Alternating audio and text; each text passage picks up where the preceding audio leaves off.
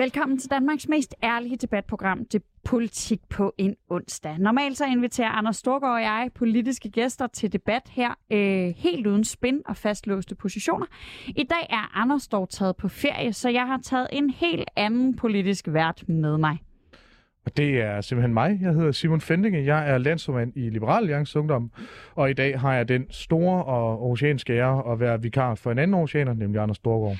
Og jeg hedder Sofie Libert, stiller op, for Folketing, øh, op til Folketing for SF i Aarhus selvfølgelig, øh, og er tidligere landsforkvinde for SF Ungdom. Den næste time, der kommer vi til at vende ugens vigtigste politiske historier med skarpe gæster. Men inden vi får besøg af dem, så starter vi lige med at tage temperaturen på, hvad der har fyldt noget for os i den seneste uge. Så jeg skal høre dig, Simon. Hvad har du lagt mærke til?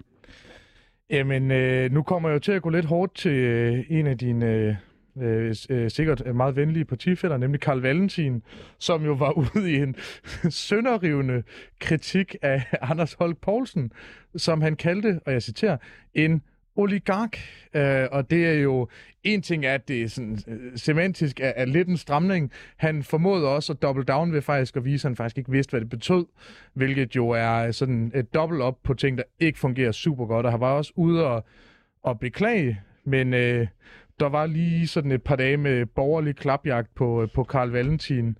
Og det er jo en lille smule ærgerligt, fordi han havde jo faktisk, ikke nødvendigvis en pointe, jeg er enig i, men han havde faktisk en pointe, som han ender med at underminere med hans, øh, ja undskyld, men øh, delvist manglende forståelse for, øh, for, for begrebsapparatet i oligarki eller ikke oligarki.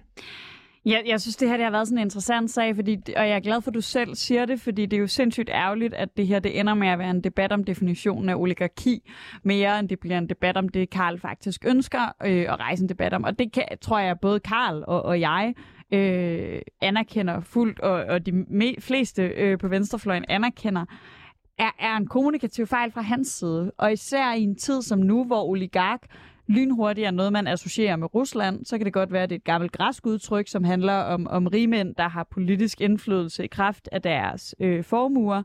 Øh, men, men ikke desto mindre. Det her med, hvem der kender begrebet, øh, det synes jeg også har været interessant, fordi der var jo den her fremragende artikel, jeg tror, det var en BT-artikel, men jeg indrømmer blankt, på trods af, at jeg står her i, i Berlingske Media, at jeg er så dårlig til at skelne mellem BT og Ekstrabladet, at jeg tror, det er løgn. Øh, men, men en af de to skriver en artikel, øh, hvor, hvor de, det eneste oligarkibegreb, de kender, det er den russiske. Øh, og, og ikke desto mindre, så øh, altså, de mener nærmest, man skal være russer for at være oligark, og det er cirka lige så dumt, som når Øh, folk siger, at hvis man er kommunist, så øh, er man faktisk øh, sådan en fra Sovjetunionen. Øhm, men ikke desto mindre, så anerkender jeg fuldstændig, at det her, det tror jeg, øh, var et kommunikativt fejlskud, og det ærger mig helt vildt, fordi vi aldrig fik debatten om de her mennesker, som den debat, Karl ønskede at rejse, nemlig øh, en debat om mennesker, der ejer sindssygt mange penge, øh, enten i form af, altså altid, øh, aldrig i cold cash, men i hvert fald er vanvittigt rige og faktisk får en form for indflydelse på vores samfund alene i kraft af, af sin rigdom. For eksempel når der skal øh, bygges veje og placeres øh, høje bygninger. Men du og jeg ved jo også godt begge to, at oligark er et meget, meget bevidst begreb at bruge, på samme måde som øh, en del borgerlige bruger begrebet kommunist netop for at give mindelser til Mao, Stalin, Lenin, øh, Hugo Chavez osv. Altså det er jo et, et meget, meget kendt debattrik, og det er også derfor, jeg har jeg græder tørre tårer over den... Øh, den kritik, der har været, øh, været af det, men jeg synes, det er, det er faktisk en spændende debat, og jeg tror, det er en debat, som kommer til at blive vigtig, altså ikke debatten om, om Karl Valentins øh, manglende forståelse for begreber, og øh, sådan, uden at lægge ham ord i munden, måske en lille smule øh, øh, bevidste begrebsudnyttelse i en tid, hvor Rusland ikke lige frem er sådan ven, altså, øh, venner med, med nogle andre lande end måske noget, noget kinesisk værk.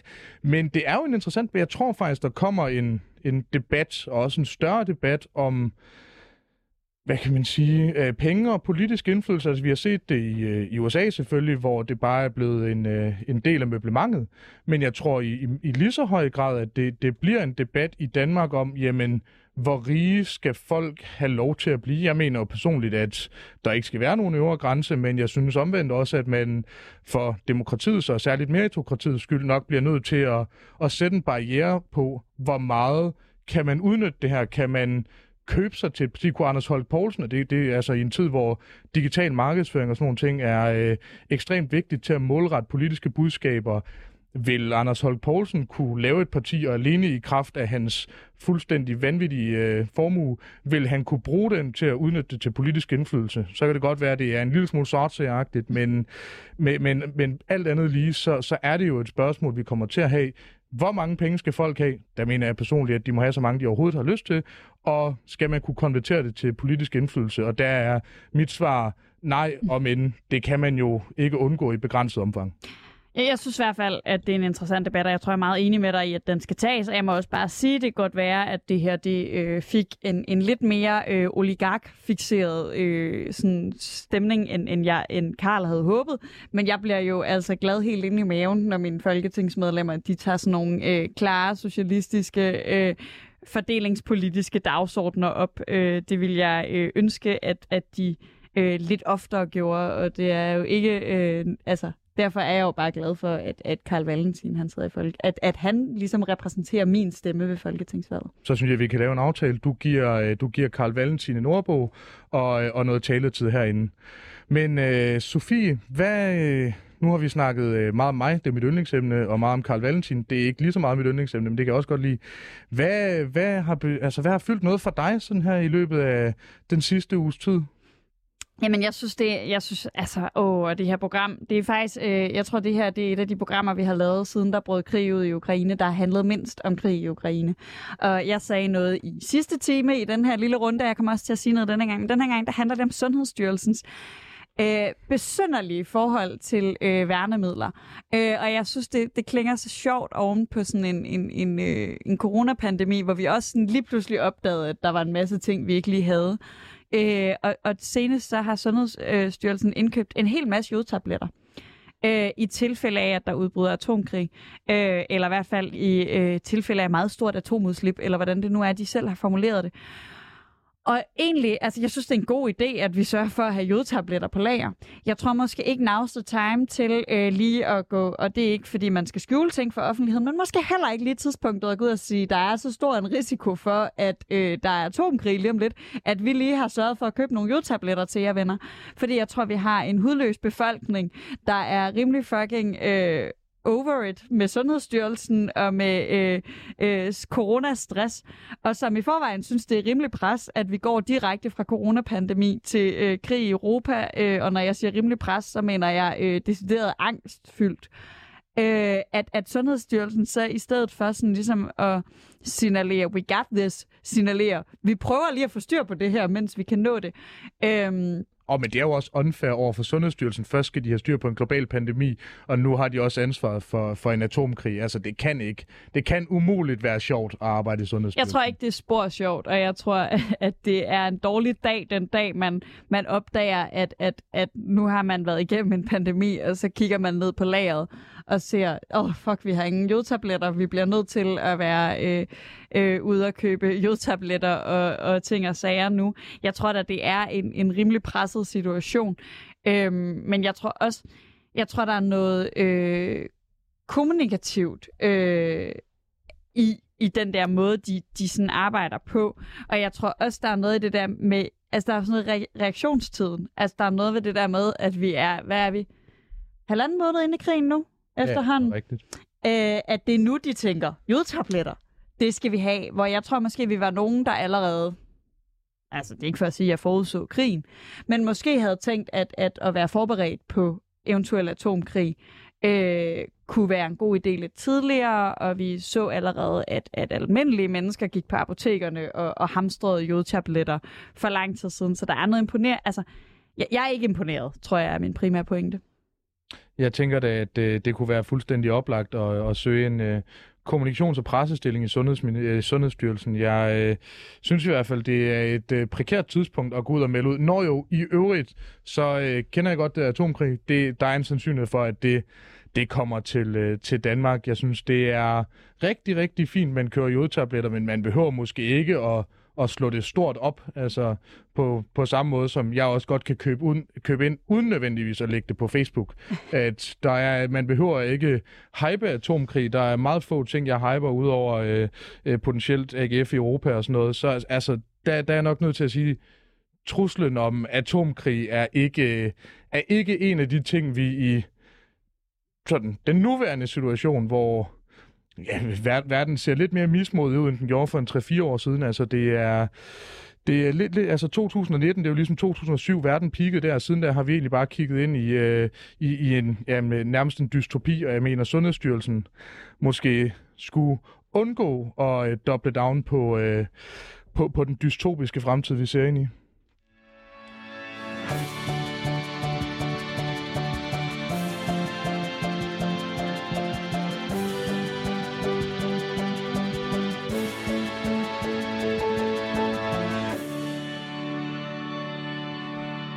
Du lytter til Politik på en onsdag, øh, og vi er i dag øh, klar. Vi har Simon Fendinge med som vikar for Anders Storgård, og lige om lidt så byder vi velkommen til dagens gæster. Men inden vi gør det, så øh, vil jeg gerne lige fortælle dig, kære lytter, at du selvfølgelig kan deltage i dagens debat.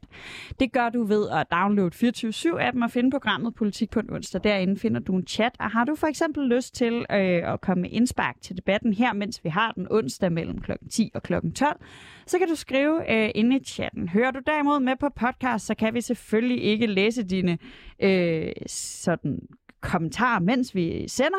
Vi kan til gengæld altid bruge gode inputs til, hvad vi skal diskutere en anden gang, og hvilke gæster I synes, det kunne være spændende at have med. Med i studiet har vi nu Mik Scholtka. Jeg har al, altså det, det gik pludselig op for mig, da jeg læste dit navn. Jeg har aldrig sagt det højt før. Men, men det er meget livet af landvejen. Velkommen til. Du er næstformand i Danske Studerendes Fællesråd. Det er jeg lige præcis. Inden vi går i gang med debatten, så plejer vi altid at spørge vores gæster, hvad der sådan har optaget dem i den seneste uge, måske især ud over det, vi skal snakke om i dag. Så jeg kunne godt tænke mig at høre dig, hvad har du politisk lagt mærke til den seneste uges tid? Jamen, altså, jeg, jeg vil jo sige, at øh, det, der skete i søndags, det synes jeg nok var øh, det, det største ud over øh, sådan set de her reformaftale, og det var jo sådan set øh, den, øh, den franske præsidentskabsvalgkamp. Øh, og det synes jeg var meget spændende at lægge mærke til, især fordi altså, fransk valgkamp er jo bare lidt mere vildere, end den er her i Danmark. Og der, øh, der er altså nogle skandaler og lignende, som, øh, som gør det lidt mere spicy, men også, altså, det har jo også en kæmpe betydning for, hvem der bliver præsident, hvad der så kommer til at foregå i Europa og lignende, og det, øh, det har jeg så fulgt rigtig meget med i. Hvad, hvad lagde du særligt mærke til? Altså, jeg ved det fra mig selv, jeg lagde mærke til, at øh, Anne Hidalgo, eller hvad vi nu vælger at udtale. Jeg er ikke, jeg er ikke fransk, så, uh, så jeg går bare med Hidalgo. Uh, vi, vi så, at hun fik et uh, forbavsende dårligt valg. Ja. Hvad er det for nogle konklusioner, du har draget fra det her præsidentvalg? Altså, det, det jeg kunne lægge mærke til i det her præsidentskabsvalg, det er, at vi kommer jo, vi kommer jo ud til de to kandidater igen, som vi gjorde sidste, sidste gang. Så altså, der, der er ikke kommet noget nyt. Men jeg synes, det var især spændende at se, jamen, hvilken splittelse der blandt andet har været på venstrefløjen i forhold til de, den, den, den fraktioner, de har været, og også du så også haft en som øh, Mélenchon, øh, som, øh, som så kom og rent faktisk næsten, næsten overhældte Marie Le Pen, øh, hvilket jo også egentlig var meget spændende. Øh, så der, øh, der, der var rigtig, rigtig mange spændende ting i det der, det vil jeg også sige. Med os over en telefon, der håber jeg nu, vi har Christian Rabia Madsen, der er politisk ordfører for Socialdemokratiet. Det har jeg. Goddag. Fantastisk. Velkommen til programmet, Christian. Ligesom vi spurgte Mik, hvad han har lagt mærke til den seneste uge, så kunne jeg også rigtig godt tænke mig, inden vi om lidt skal snakke reformkommission og høre, hvad der ellers optager dig. Når man er politisk ordfører, så får man jo lov til nærmest at snakke om hvad som helst. Så hvad har politisk optaget dig den seneste uge, ud over reformkommissionen? Jamen, det er korrekt, at det er, det er fuld pensum, når man er politisk ordfører. øhm, jeg synes, at øh, det franske valg har været enormt øh, spændende, men det er også lidt som om, at uanset om vi taler fransk valg eller store taler i Bundestagen, eller hvad vi nu taler, så er rammen for det jo lige nu den nye sikkerhedssituation i Europa, øh, og de fuldstændig forfærdelige billeder, som vi får ud af Ukraine, øh, jo nærmest på daglig basis. Så det, der sådan optager mig, og det som mange af de udfordringer, som vi taler om, har rod i, det er jo desværre Putins øh, fuldstændig urimelig og vanvittig øh, invasion af Ukraine. Og øh, ja, det, det, jeg føler det på daglig basis, øh, på, på timebasis, og kan bare se, at en lang række af de spørgsmål, jeg får øh, forbeholdsmæssigt i forhold til, hvordan vi håndterer flygtninge, hvordan vi håndterer en ny sikkerhedssituation, de har ligesom rod i, i den konflikt desværre. Nu øh, nævner vi det franske valg, og vi kommer hurtigt til at gøre det på sådan en måde, som er klassisk for politiske nørder, øh, at vi ikke fortæller, hvem det var, der faktisk gik videre. Det var jo den nuværende... Øh, det, I det franske præsidentvalg der har man først en, en runde, hvor man kan stemme på. I, I år var det så 12 kandidater, og så er der ligesom... Hvis ingen af dem får over halvdelen af stemmerne, så er der ligesom to, der går videre. Og den ene var Emmanuel Macron, som de fleste kender, og som jo ikke er socialdemokrat, så jeg tænker ikke, at han i udgangspunktet vil være din yndlingskandidat, Christian Rabia Madsen, men jeg kunne godt forestille mig, når nu du nævner hele sikkerhedssituationen i Europa, at du er mindre fan af Marine Le Pen, som er den anden kandidat, øh, som er gået videre. Er du nervøs for, hvordan det franske valg kommer til at påvirke øh, sikkerhedssituationen i Europa? Ja, det er jo svært ikke at være andet. Og øh, hvis man ser på, hvordan øh, Marie Le Pen har været altså, gennemført øh, Putin-venlig, øh, gennemført øh, propagandist for Putin, har afvist at kalde øh, annekteringen af Krim for en annektering, er blevet fotograferet flere gange på Krim med russiske symboler. Øh, så er det klart, at det vi har behov for i Europa, det er jo noget fuldstændig andet. Og det er klart, at jeg ikke er enig med Macron i alt, og kan synes, at han på den økonomiske politik er alligevel højorienteret. Men jeg har bare, og vi har behov for, at øh, vi vælger nogle politikere i spidsen for de vigtigste europæiske lande, som vil det europæiske sammenhold. Og jeg må sige, at jeg har også været lidt debat i, i løbet af ugen med, med eksempelvis Morten Messerschmidt, som ligesom siger omkring det franske valg, at, at han håber, at Marie Le Pen vinder, og når han så bliver forholdt, at hun er, er Putin-propagandist, så siger han jo jo, men jeg støtter hende, fordi hun er imod Scholz og Macron. Og, og der, jeg kan bare undre mig over, at der er danske politikere, som synes, at, at Scholz og Macron er en større trussel mod Europa end, end øh, Putin. Øh, jeg tror virkelig, vi har behov for, at, at vi vælger en fransk præsident, som, som øhm, går fuldtonet ind for det samarbejde, der er imellem frie demokratier i, i Vesten.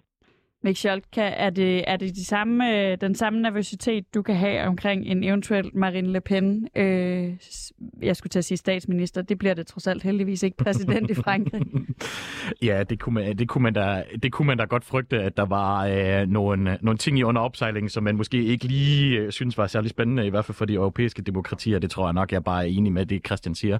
Øhm, jeg vil så sige, jamen også gen, øh, generelt, hvis vi så ikke, bare, ikke tager udgangspunkt i Ukraine og sikkerhedspolitik, politikken, så, øh, så vil jeg jo sige også det europæiske samarbejde. Altså, der virker det også til, at Macron i hvert fald har en langt højere grad interesse i at øh, tage blandt andet noget lederskab, og så komme kom som indpisker, som man jo er, hvor jeg tror, at der kommer en lidt højere, øh, en lidt højere, hvad kan man kalde det, konservatisme i hvert fald i forhold til det europæiske samarbejde, når, når du har Marie Le Pen på, på pinden. Og, øh, og der vil jeg jo sige, altså, der, der er jo måske lidt mere interesseret i, at der kommer noget godt samarbejde i Europa. Øh, så det, det, det er ikke fordi, jeg er over, altså 100% af Macron-tilhænger, længere, men altså, det virker der til, at det er, øh, det er lidt mere interessant end Marie Le Pen i hvert fald.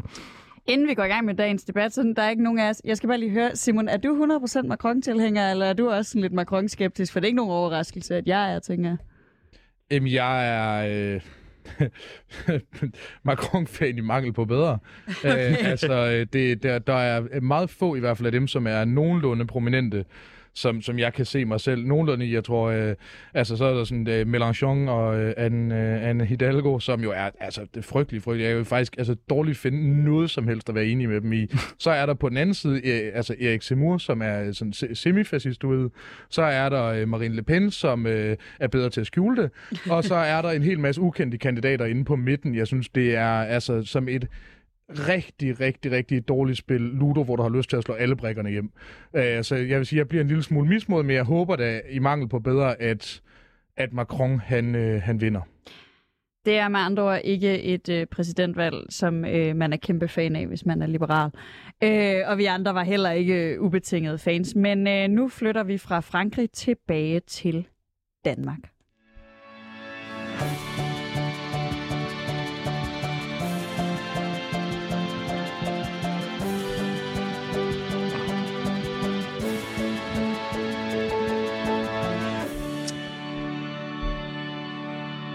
Du lytter til Politik på en onsdag, hvor vi i dag har Simon Fendinge med, og så er jeg, Sofie Lippert, som altid har også. Vi har besøg af Christian Rabia Madsen, der er politisk ordfører for Socialdemokratiet, og Mick Scholtka, der er næstformand for Danske Studerendes Fællesråd. Og i sidste uge så fremlagde den såkaldte reformkommission sine anbefalinger. Kommissionen var nedsat af regeringen til at foreslå reformer, der tager hånd om komplekse udfordringer. Hvad komplekse udfordringer så nu dækker over? De skal foreslå reformer inden for tre områder i løbet af i år, og startede altså i onsdags med at komme med deres forslag til reformer af uddannelsessystemet. Kommissionen anbefaler en gammel traver, der kan gøre mig nogenlunde lige så glad som et CS Top og en Arnbitter en sen lørdag aften, nemlig at gøre SU'en til lån på kandidatuddannelser. Men de kommer også med en række forslag til nogle mere strukturelle ændringer af selve uddannelsessystemet. Det dykker vi ned i i dag i Politik på en onsdag. Hvilke reformer er der brug for i vores uddannelsessystem, og hvad skal vores uddannelsessystem egentlig kunne? Og i bedste journalistik, så starter vi med kommissionens ambition om at gøre universitetsuddannelser mere erhvervsrettede. Erhvervsrettet er jo øh, mit helt store buzzword, så jeg er ekstremt begejstret for den rækkefølge. Og det skal jo så ske gennem to forskellige slags kandidatuddannelser.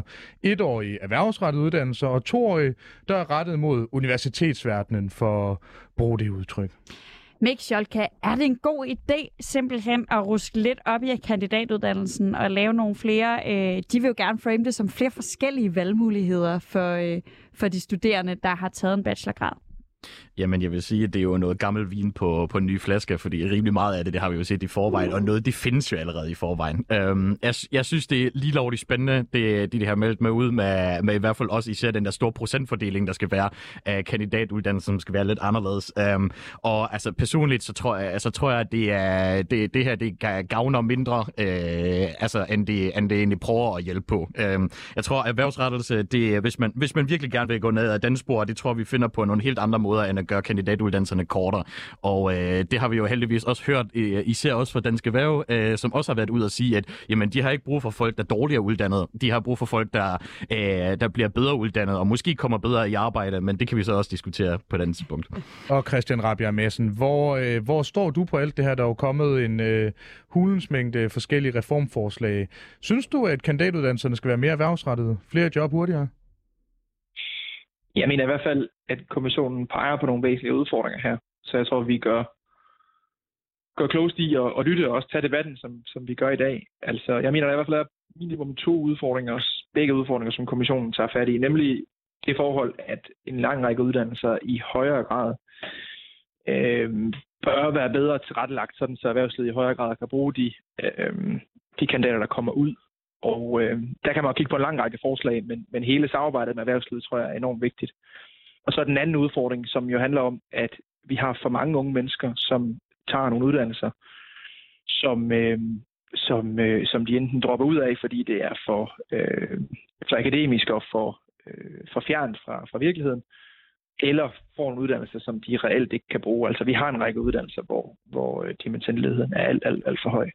Og også i den henseende kan det være fornuftigt at kigge på, hvordan de uddannelser i fremtiden kan være tættere på erhvervslivet og kan være i stand til at uddanne dimittenter, som kan gøre en større forskel. Både for erhvervslivets skyld, men jo også for de der unge menneskers skyld, som jo ikke skal gå øh, på universitetet i, i, i fem år, og så opdage, at de står med nogle kompetencer, som ikke er efterspurgt. Så Christian Rabia Madsen, vi kan konkludere, at øh, Reformkommissionen har fundet frem til, at der er et søm. Spørgsmålet er, så mener du så, at det er hammeren, de har fundet frem. Er det det rigtige værktøj til rent faktisk at løse det her problem? Det vil være det tilbagevendende med, med den her debat, at, at, at vi har fået første del af, eller anden del, vi har fået to dele af nu af kommissionens arbejde, og venter stadigvæk på det tredje. Vi kommer til at læse det grundigt, og har ikke lagt os fast på øh, helt specifikt, hvilke redskaber vi skal bruge. Men grundlæggende set har kommissionen lavet et super godt arbejde, og synes jeg kvalificeret prøver at give bud på at løse nogle af de udfordringer, som vi er enige om. Jeg bliver lidt nysgerrig, Christian Rabia Madsen. Jeg læser på sådan en øh, super akademisk uddannelse. Jeg læser matematik, øh, og det er sådan øh, virkelig øh, sådan noget, øh, og det er farligt at sige, fordi folk tror, at jeg er super erhvervsrettet og kan alt muligt med tal. Så nu afslører jeg i radioen, at det vi laver, det er simpelthen øh, akademisk hokus pokus hele vejen igennem. Og der, det er sådan en uddannelse, som rigtig mange starter på, og så opdager de i løbet af det første år, at du, øh, der er ikke nogen tal. Vi arbejder overhovedet ikke med tal. Vi åbner aldrig et Excel-ark. Øh, og så finder de ligesom ud af, så dropper de ud og finder ud af, at de skal noget andet. Øhm, og det synes jeg jo egentlig måske er, øh, altså mit, mit indtryk er, at der mangler måske noget studievejledning, der mangler måske nogen, der fortæller dem, øh, hvad akademia er, der mangler måske nogen, der peger på alle de mange akademiske, mere erhvervsrettede uddannelser, vi har. Jeg har svært ved at, sådan at se det som løsningen, at de skal tage en bachelor og så tage en erhvervsrettet kandidat på et år bagefter. Er det ikke, altså jeg, jeg ved ikke, om det er bare mig, der sådan, øh, har været øh, for længe i ungdomspolitik, øh, men, men Christian Rabia Madsen, er rigtig mange af de problemer, vi står overfor, ikke nogle problemer, der øh, i langt højere grad øh, kalder på øh, oplysning og uddannelsesvejledning, studievejledning, øh, jamen vejledning, øh, mere viden om, hvad en akademisk uddannelse er, end det nødvendigvis er at lave de akademiske uddannelser om? Det synes jeg i hvert fald også, det peger på. Jeg synes faktisk, at din øh, pointe her i modgangspunkt i din egen uddannelse er ret god. Øh, fordi de øh, medstuderende, du har, og vi også dig selv som gennemfører uddannelsen, står ja med en relativt akademisk uddannelse, men står også med, med en uddannelse, vidt jeg husker, som, som har en ganske betydelig efterspørgsel efter jer. Ja. Så i den forbindelse er det jo ikke noget problem, at man har en meget akademisk uddannelse. Øh, det er sådan set bare rigtig, rigtig godt, at de er nogen, der vil kunne gennemføre en uddannelse. Jeg tror ikke, jeg, jeg vil kunne, så, så det er rigtig godt, at der er nogen, der kan det. Men i den forbindelse tror jeg da, at, øh, at du har ret i, at et af svarene er, at vi skal prøve at se, om vi kan få det antal, der starter på uddannelsen, som ikke gennemfører ned, øh, sådan så de øh, unge mennesker, der troede, det var en god idé, før de starter, ligesom bliver bedre klædt på til at træffe det valg, så man ikke træffer et forkert valg. Der er jo ikke nogen, der er, er tjent med at starte på en uddannelse, som man så dropper ud af øh, ganske kort tid efter. Så der tror jeg, der er virkelig... Altså nogle gange, så, så tror jeg, at det er rigtigt, at unge mennesker oplever en betydelig afstand fra det at gå på gymnasiet eller erhvervsskoler, og så komme ind på et universitet. Og der tror jeg da, at, at, at vi kunne gøre mere for at klæde de unge mennesker på til at træffe det der valg. Jeg selv har læst statskundskab og taget en okay billede af, hvad det var, men, men slet ikke noget sådan øh, meget godt billede af det, eller, eller et, et, et helt krystalklart billede af det. Jeg tror da helt generelt, det der med at få klædt øh, unge mennesker på til, hvad det vil sige at gå på universitetet, er, er en god idé, og det er også noget, vi gør for lidt. Men det er, så, så vidt jeg forstår, der noget, der, der også ligger på gymnasierne, hvilket jeg er fuldstændig enig med dig. Jeg er lidt nysgerrig på, øh, Mik Scholka, om, om ikke der fakt, altså om ikke de har fat i noget, om så det er en etårig kandidatuddannelse, eller at skabe et øh, bachelorarbejdsmarked, om ikke det er reelt, om ikke når tesen er, at mindre uddannelse, øh, for det er jo mindre uddannelse, det er jo kortere uddannelse, men, men, men, men som man siger der, hvor jeg kommer fra, så er det jo ikke kun længden, der er også noget udførsel, der, udførelse, der, der spiller en rolle i det her. Øh, er det ikke nødvendigt også for, for fremtiden, at hvis man skal kunne lave rigtige gode, skarpe kandidatuddannelser, der virkelig kan målrette folk til eksempelvis at gøre os til et forskningsland i verdensklasse, er det så ikke en nødvendighed og en god mulighed, at de mennesker, jeg selv CBS'er, som øh, skal ud bagefter, og som måske lige har fået lov at berøre et Excel-ark, og ellers bare vil ud i, i hurtigknæppersko og spille markedsføringsgud et eller i en eller anden startup, er det ikke fint, at der kommer et arbejdsmarked til dem? Er det ikke fint, at vi indretter et uddannelsessystem, der også rummer dem, i stedet for at klippe dem på for statens penge med nogle kompetencer, de aldrig får brug for?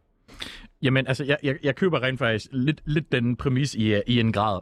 Uh, og det er mere, uh, mere i den, øh, den forstand, at jeg ved ikke, om nødvendigvis det så har noget med nogle kandidatuddannelser at gøre, eller om vi måske skulle snakke lidt omkring, jamen, hvilke uddannelser der er der til hvilke formål. Fordi, uh, fordi altså, det, man nævner omkring, at det skal være praksisrettet, det skal være noget, hvor man så kommer ud og arbejder og har tæt kontakt til erhvervslivet, det vil jo sige, at de lyder rigtig meget af en professionsbachelor. Uh, og der er der nogle rigtig glimrende uh, uddannelser, som vi pt. har på professionshøjskoler og lignende, og, og, og altså erhvervsakademier og andet, øh, som, som, som sådan er lidt pro, øh, professionsrettet. Og så synes jeg jo lidt, vi skal snakke omkring, jamen hvad er det så en, øh, en kandidatuddannelse gør? Altså på nogle ganske, ganske få studier, at, at de er professionsrettet, altså hvis vi kigger sådan lidt på medicinstudiet eller lignende.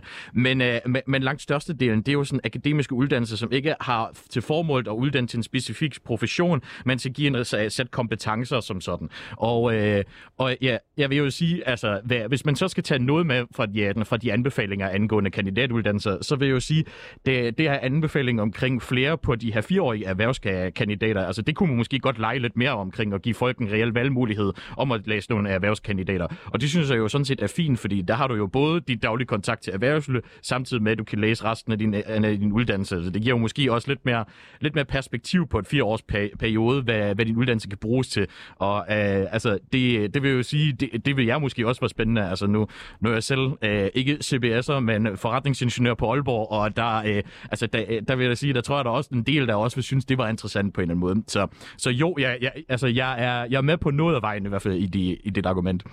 Men langt hen ad vejen, altså jo flere muligheder, der, der opstår, des bedre hører man nogen sige.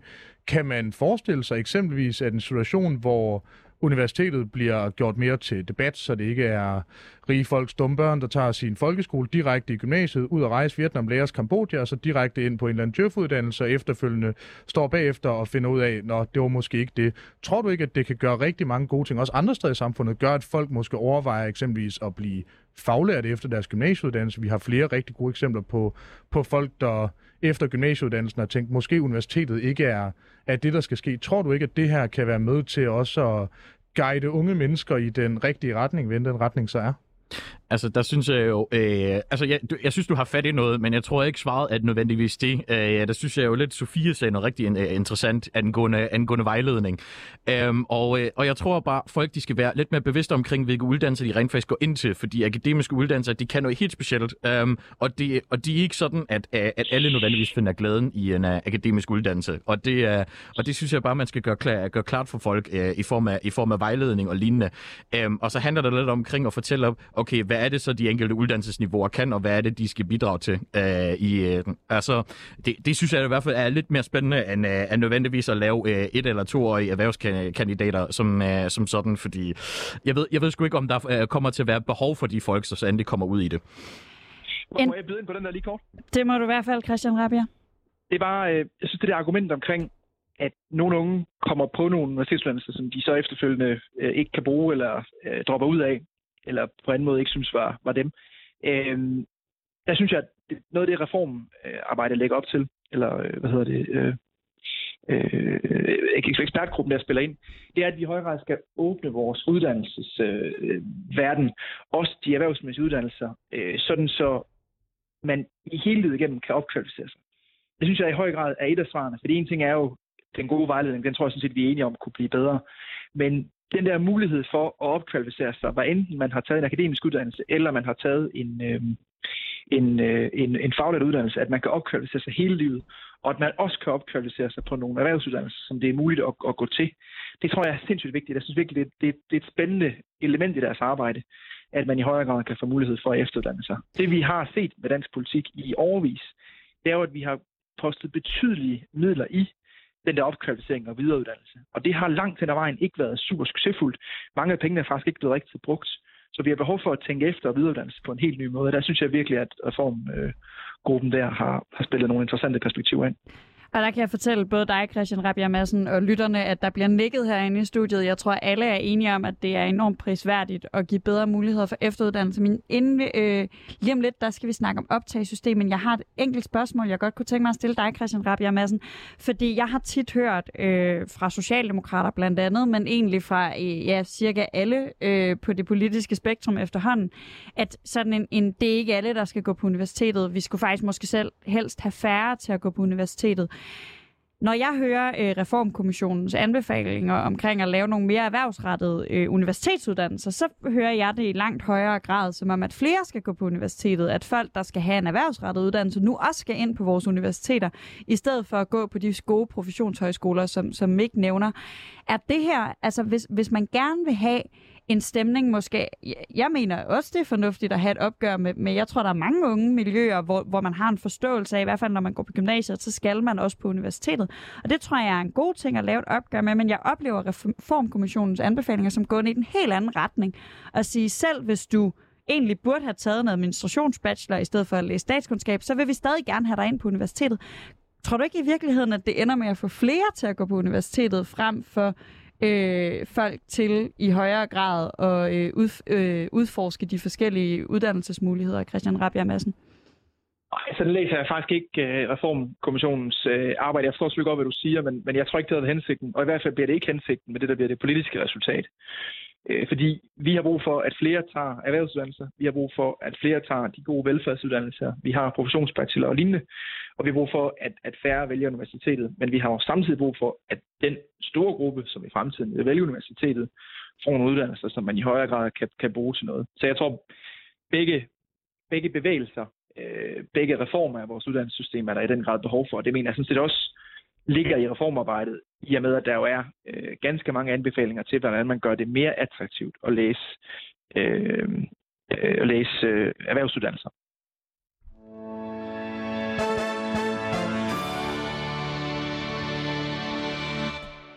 Lytter til Politik på en onsdag med Simon Fendinger og Sofie Libert. Hvis I synes, at Anders Storgård lyder en lille smule dybere og endnu mere oceansk, end han plejer, så er det simpelthen, fordi jeg er vikar for ham i dag, hvor vi har besøg af Christian Rabia Madsen, der er politisk ordfører for Socialdemokratiet, og Mik Scholka, der er næstformand i Danske Studerendes Fællesråd. Vi diskuterer i dag, hvordan vores uddannelsessystem skal bygges op med afsæt i Reformkommissionens anbefalinger. Og udover at vil ændre kandidatuddannelserne, så ligger kommissionen også op til at lave nye regler for optag på de videregående uddannelser, for at mindske karakterræset på ungdomsuddannelserne. I dag fastsættes en adgangskvotient efter, hvor mange ansøgere der er til uddannelse. Er der mange flere ansøgere end pladser, vil adgangsbarrieren altså være høj. Vil man for eksempel læse psykologi i København, skal man have et karaktergennemsnit på 10,8. Her vil kommissionen lave et loft på 9, og så lade en optagelsesprøve afgøre, hvem af dem, øh, der, hvem af dem, der har et højere snit end 9, der får plads på uddannelsen. Og Christian Rabia Madsen, er der brug for et nyt optagelsessystem på de videregående, videregående uddannelser?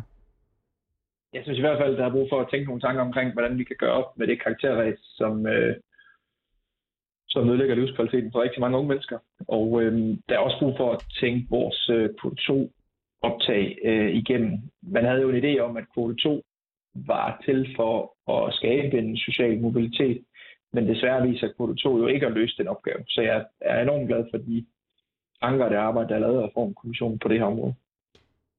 Men jeg bliver også sådan lidt, fordi nu siger du, kvote 2 ikke løser det, og jeg, og det er slet ikke, fordi jeg er super afklaret med, hvad der er den rigtige løsning på det her. Men ved en optagelsesprøve, som er det, de umiddelbart lægger op til, men som heller ikke lægger helt fast, vil det ikke netop have den her kvote 2 bias, tror du? Altså, skal vi ikke netop... Øh, er det ikke en af de ting, vi ser har en meget øh, hæftig social slagside? Mm, igen, uden at vi har taget stilling til, hvordan man skal gøre det, uden jeg nødvendigvis er ekspert, så er jeg ikke sikker på, at det nødvendigvis vil være helt det samme. Fordi i dag ser man jo, at kode 2 ansøgninger jo i højere grad handler om at beskrive sig selv som, som menneske, øh, beskrive sine ambitioner, øh, bruge sproget til at fremstille sig selv på en bestemt måde, måske have nogle anbefalinger med på nogle generelle kompetencer. Øh, og det er jo discipliner, som øh, vel øh, connected øh, middelklasse unge og overklasse unge har en, en fordel i. Hvorimod, hvis man forestiller sig, og igen, det er ikke noget, vi har lagt os fast på, men hvis man forestiller sig en egentlig optagelsesprøve, som er fagspecifik, hvor man egentlig tester nogle øh, kompetencer inden for et bestemt område, så vil man jo, tror jeg, få et øh, mindre fokus på at beskrive sig selv som person øh, på en fordelagtig måde, og mere fokus på, at man i gymnasiet faktisk lærer de fag, som man skal lære at bruge når man så tager den prøve, der her bliver, bliver øh, foreslået. Så ud igen, uden vi har lagt os fast på det, synes jeg, at der er nogle interessante perspektiver, hvor man i hvert fald, tror jeg, vil få mere fokus på, hvad man egentlig kan fagligt, og mindre fokus på, at man har netværket til at få gode anbefalinger med på sin kvote 2-ansøgning. Og det er jo her, det er skønt, at det ikke er et politisk neutralt program, fordi jeg synes, det er et frygteligt, frygteligt forslag. Jeg mener, det er afskaffelse af meritokratiet, og jeg mener, det er meritokratiets tyranni og, øh, at køre øh, unge øh, fra mindre, øh, øh, altså mindre privilegerede sociale vilkår ned under, under gulvbrædderne. Alle dem, som ikke har en far, der tilfældigvis er partner i et advokatkontor, kan være piccolo eller lignende, som man ser det med kvote 2, eller med optagelsesprøver, hvor det i i hvert fald i teorien, i meget, meget øh, høj grad kan være folk, der har performet slidt og slæbt i tre år, som bliver fravalgt til fordel for dem med privattutorer og øh, tykke bøger på bogreolen.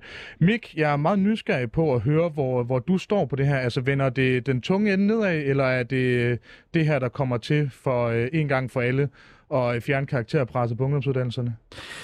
Ja, det er rigtig, faktisk et rigtig godt spørgsmål, du fat i der. Øh, fordi altså, jeg synes, forslaget er interessant. Jeg ved ikke, om det er den gyldne løsning, selvfølgelig, men, øh, men jeg synes, det er interessant. øh, fordi altså, jeg har jo alle sammen påpeget omkring, hvilke udfordringer der er ved kvote 2, og hvordan det egentlig også skaber, nærmest har en større social slagside, end øh, kvote 1 har i, i forvejen.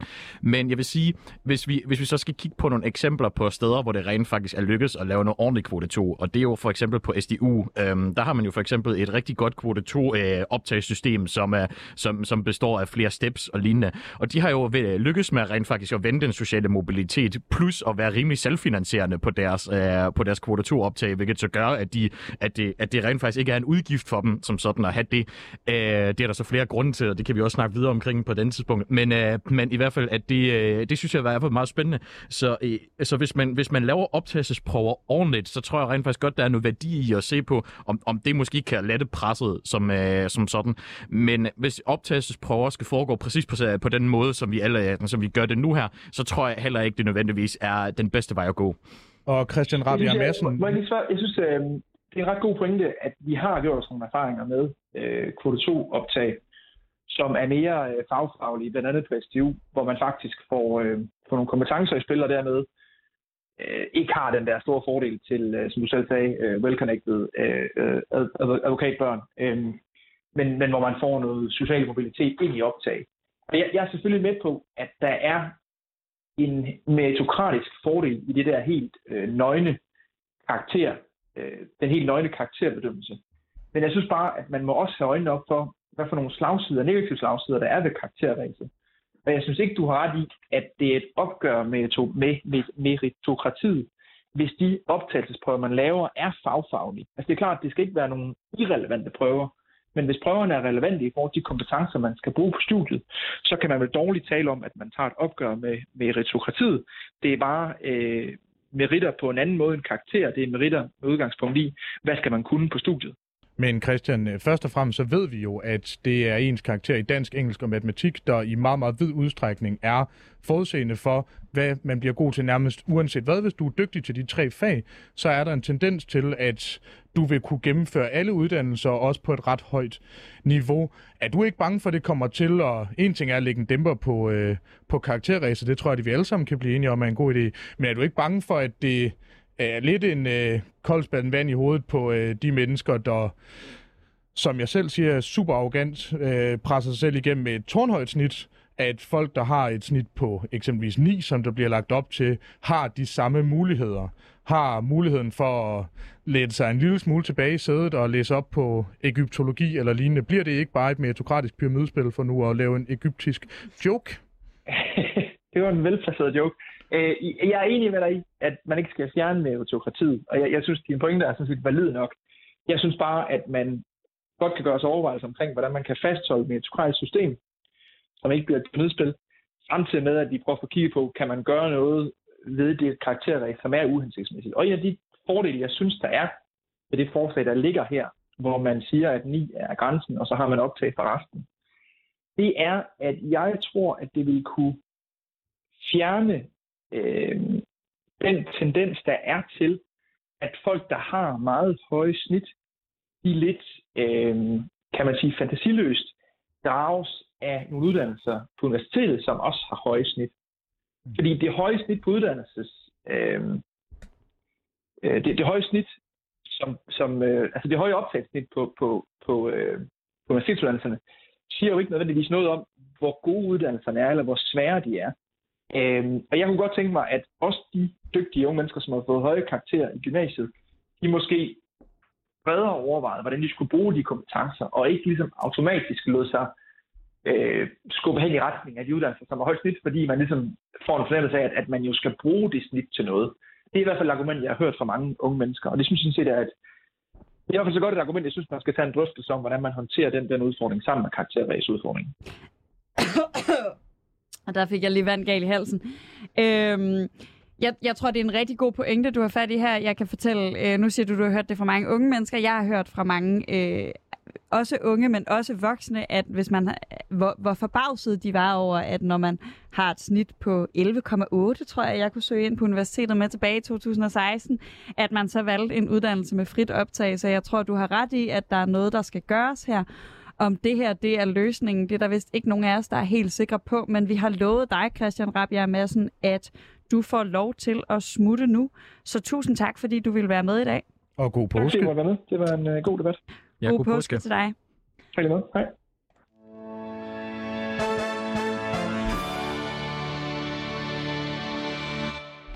Og du lytter til Politik på en onsdag med mig, Simon Fendinge, Anders, so- Anders Storgård Substitut og Sofie Libert, hvor vi stadig har besøg af Mik Scholka, næstformand i Danske Studerendes Fællesråd. Lynhurtigt spørgsmål. Er du fra Aarhus?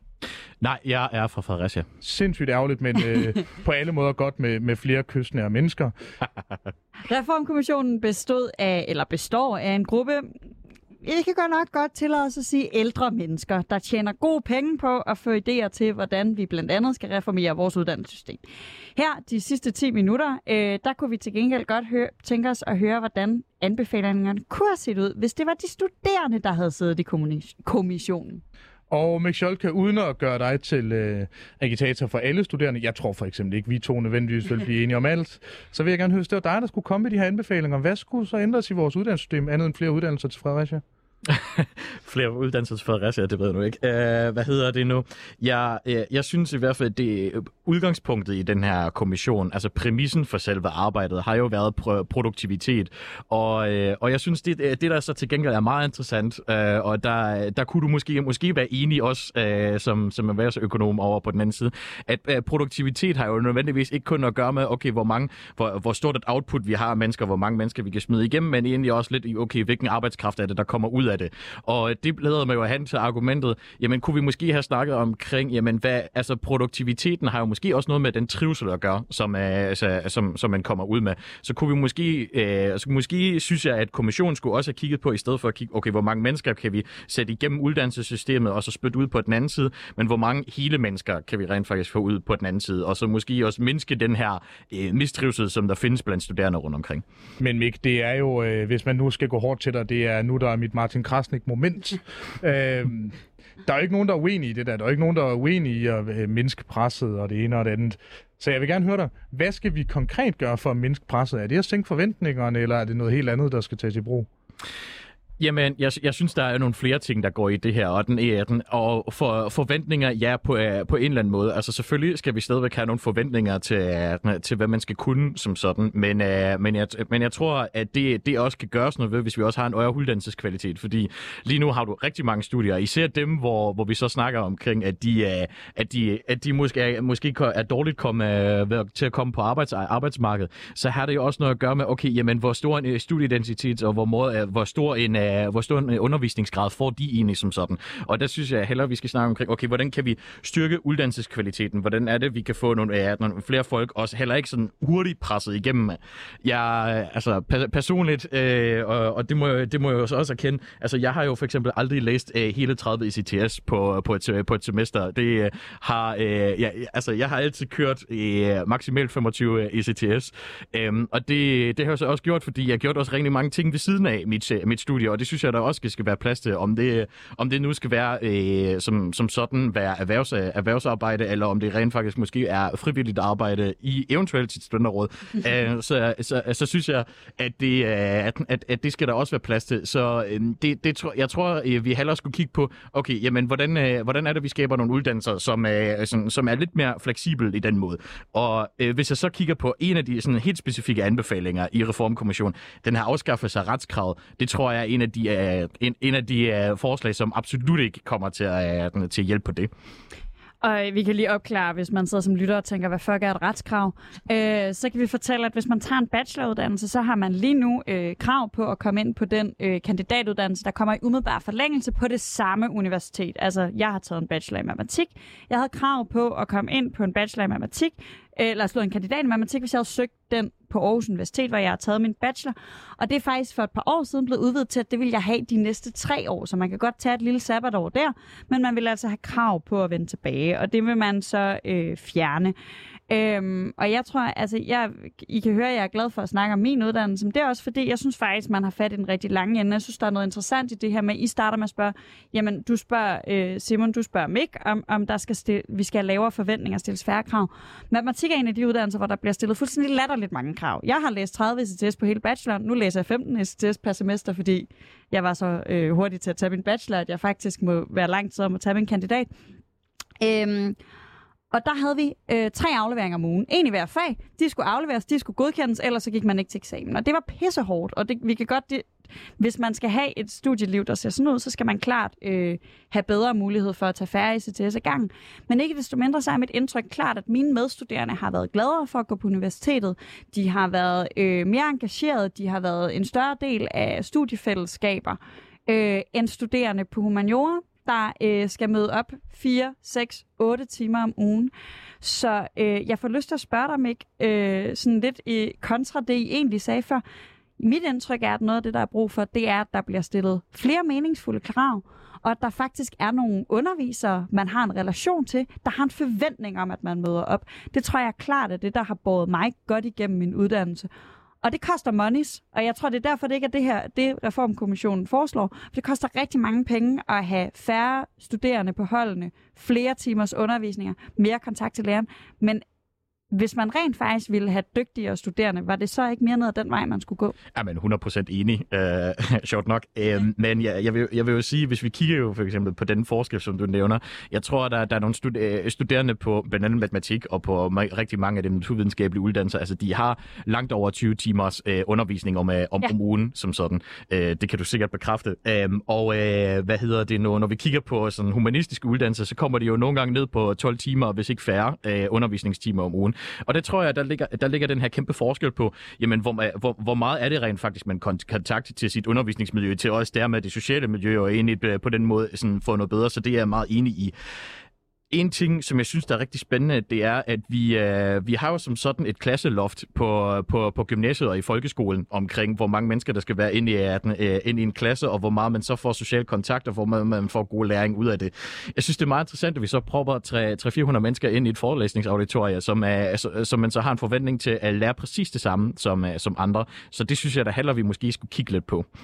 Men altså, nu... Øh sådan her de sidste par minutters penge, jeg vil meget gerne have, at vi får noget konkret på bordet, fordi jeg, jeg, jeg må ærligt indrømme, der er ikke, der, det er meget svært at være uenig i noget, der jeg har ikke været på mit studie siden øh, en måned efter jeg kom derind. Jeg har da taget 30 ECTS øh, per semester, klaret mig ganske udmærket.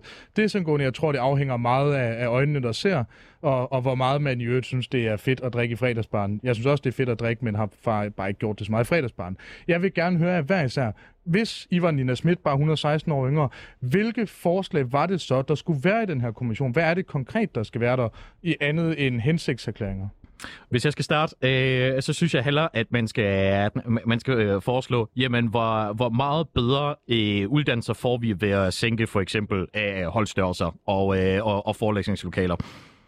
Så send flere penge. Yes. Ja, Ja, jeg vil gerne hoppe med, og så vil jeg sige flere undervisningstimer, øh, mere feedback, og, og det, er sådan, det lyder som, øh, det kan hurtigt blive en kliché. For mig handler det helt lavpraktisk om, som sagt på bacheloren, hver uge i hvert fag, der afleverede jeg en aflevering. Så var der en instruktor, der læste den, så var der en, en instruktor, der gav den tilbage med rettelser. Hvis ikke det var godt nok, så skulle jeg lave den en gang til det er pisse hårdt, men det skaber ekstremt dygtige studerende, og det skaber en følelse af, at der er nogen, der giver en fuck for, man, hvad man laver. Det er pisse dyrt, men jeg synes, det er, øh, det er værd. Godt, så slutter jeg af med at sige, at jeg mener, at man skal afskaffe fremdriftsreform. Til gengæld skal man også afskaffe og lånebasere SU på samme vilkår, som der er i England. Det ved jeg godt, I ikke er enige i.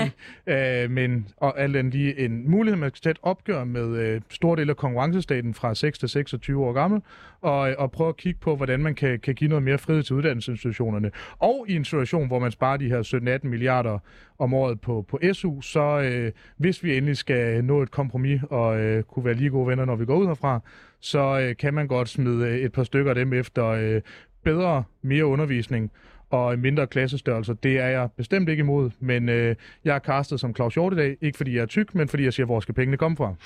Og der var blandede reaktioner herinde i studiet på alle Simons forslag, men der er i hvert fald noget, hvor vi alle tre kan blive enige, og så er vi nogen, der klart øh, gerne går til kamp for SU'en en anden gang. Tusind tak, Mik Scholkan, næstformand for Danske Studerendes Fællesråd, fordi du ville debattere det her med os i dag. Det er mig, der takker.